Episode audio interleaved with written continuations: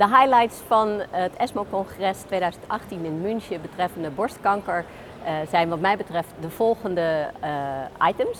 Ten eerste de presentatie van Tessa Steenbrugge over de 20 jaar follow-up data van uh, hoge dosis chemotherapie versus standaard 5 keer VEC.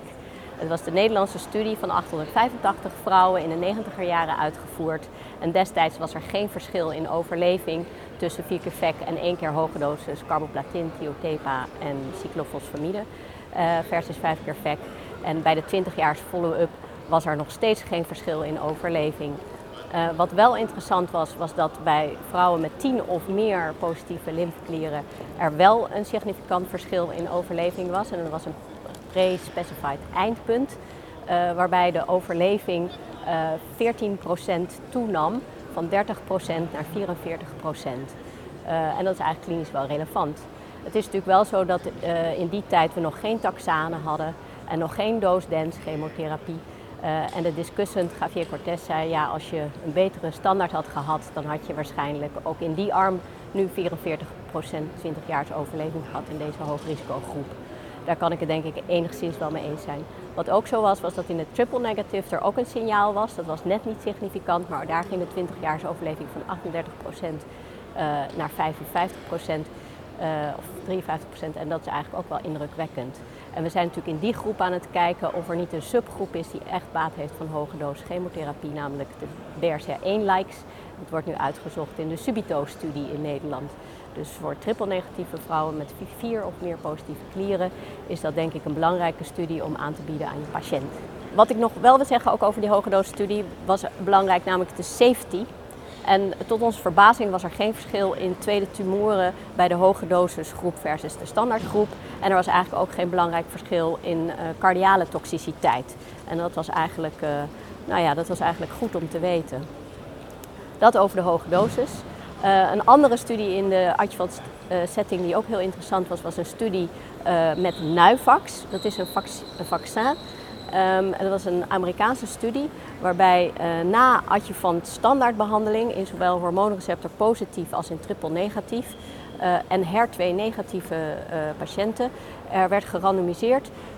alleen als je een tumor had die tenminste 1 plus of 2 plus HER2 positief was op immunohistochemie, maar er was dus geen amplificatie, dan werd er gerandomiseerd tussen trastuzumab 1 jaar plus dit vaccin, Nuvax. Uh, wat een vaccin is tegen het HER2-eiwit. Of trastuzumab 1 jaar plus GM-CSF. Um, ehm, en wat bleek uit die studie was dat eigenlijk in de hele groep was er geen verschil in ziektevrije overleving. Maar met een mediane follow-up van uh, bijna 20 maanden was er een uh, signaal in de triple-negatieve subgroep. Waarbij de twee jaar ziektevrije overleving in de gevaccineerde groep 91% was en in de andere groep 70%. En dat is eigenlijk een indrukwekkend verschil, was ook statistisch significant. Het ging alleen maar over 58 patiënten. Um, het goede was wel dat er eigenlijk bijna geen bijwerkingen waren. Um, en dit vraagt dus om een bevestiging in een fase 3-studie. Uh, maar zeker hele interessante data. Dan was er in de gemeenschapsgeorde setting vooral nieuws ook voor de triple negatives. Uh, en dat was uh, de Impassion, waar iedereen natuurlijk op uh, zat te wachten. Dat was een dubbelblind gerandomiseerde studie in eerste lijn triple negatief mammacarcinoom. Waarbij gerandomiseerd werd tussen nab-paclitaxel, 100 milligram dag 1, 8, 15 plus 4 weken. plus atezolizumab, dag 1 en dag 15, 840 milligram. Versus nab-paclitaxel met placebo. Er gingen um, iets meer dan 900 patiënten in deze studie. Uh, er werd gerandomiseerd één op één. En het co-primaire eindpunt was uh, ziektevrije overleving in de intent-to-treat populatie en in de PDL1 positieve populatie. En het andere co-primary endpoint was overleving in de intention to treat en in de PDL1 positieve populatie. Maar dat laatste alleen als het in de hele groep er een significant signaal was voor overleving.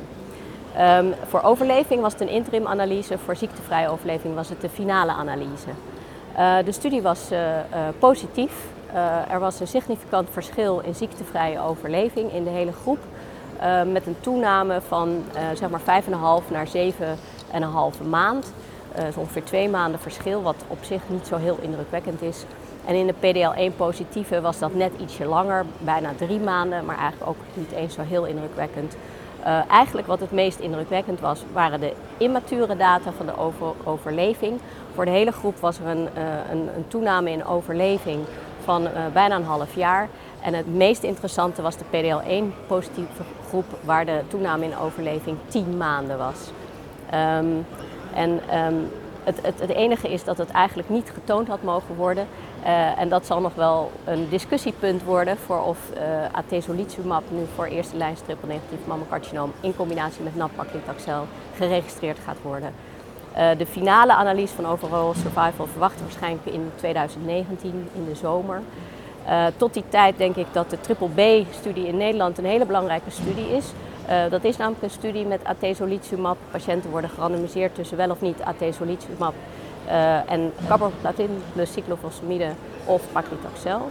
En dan plus min atezolizumab. Maar het goede van die studie is dat als je niet in de eerste lijn voor atezolizumab loodt, dan krijg je het sowieso in de tweede lijn kan je dat krijgen met de andere chemotherapie. Um, dus ja, ook daar denk ik dat we in Nederland in ieder geval iets hebben voor patiënten. Uh, maar dan moet je ze wel uh, verwijzen naar een centrum waar ze zelf niet de triple B meedoet. Natuurlijk ook iets over de uh, bijwerkingen van atezolizumab.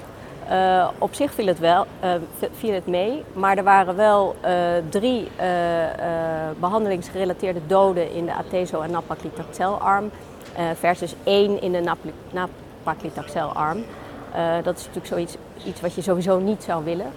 Um, verder over het algemeen waren de uh, immuungerelateerde bijwerkingen goed te uh, behandelen. Het betrof met name hypothyreoïdie, hoest, een toename in neutropenie en toename in diarree. Um, wat natuurlijk ook nog interessant is, is dat er waarschijnlijk een groep is die helemaal geen chemotherapie nodig heeft, maar waarschijnlijk alleen met immunotherapie behandeld zou kunnen worden. Dat moet verder uitgezocht worden. Wat ook belangrijk is om te noemen, is dat in deze studie 40% van de vrouwen nog nooit chemotherapie hadden gehad. Ook niet in een adjuvant setting. En dat is natuurlijk toch een beetje een andere groep. In die groep was het signaal groter dan in mensen die al voorbehandeling hadden gehad.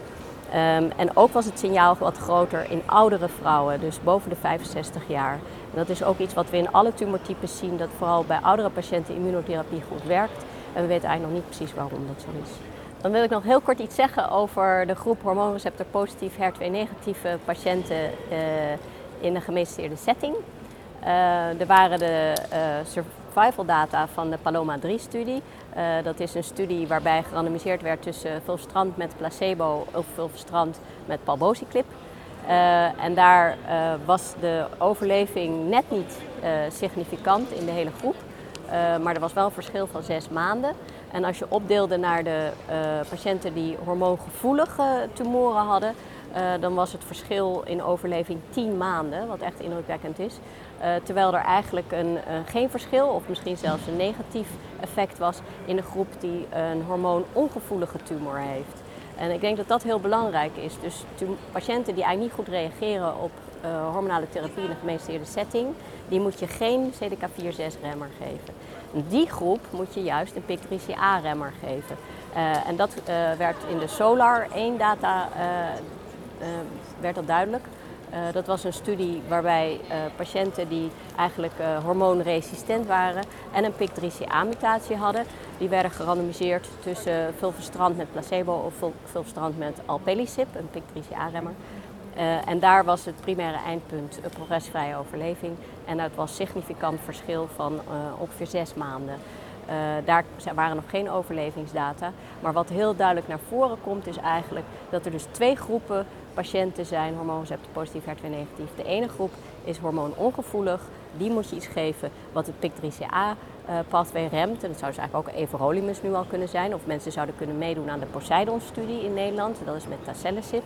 En dan met name werkt het dan in het PIK3CA gemuteerde. Maar dat, dat is slechts een verrijking van de juiste groep.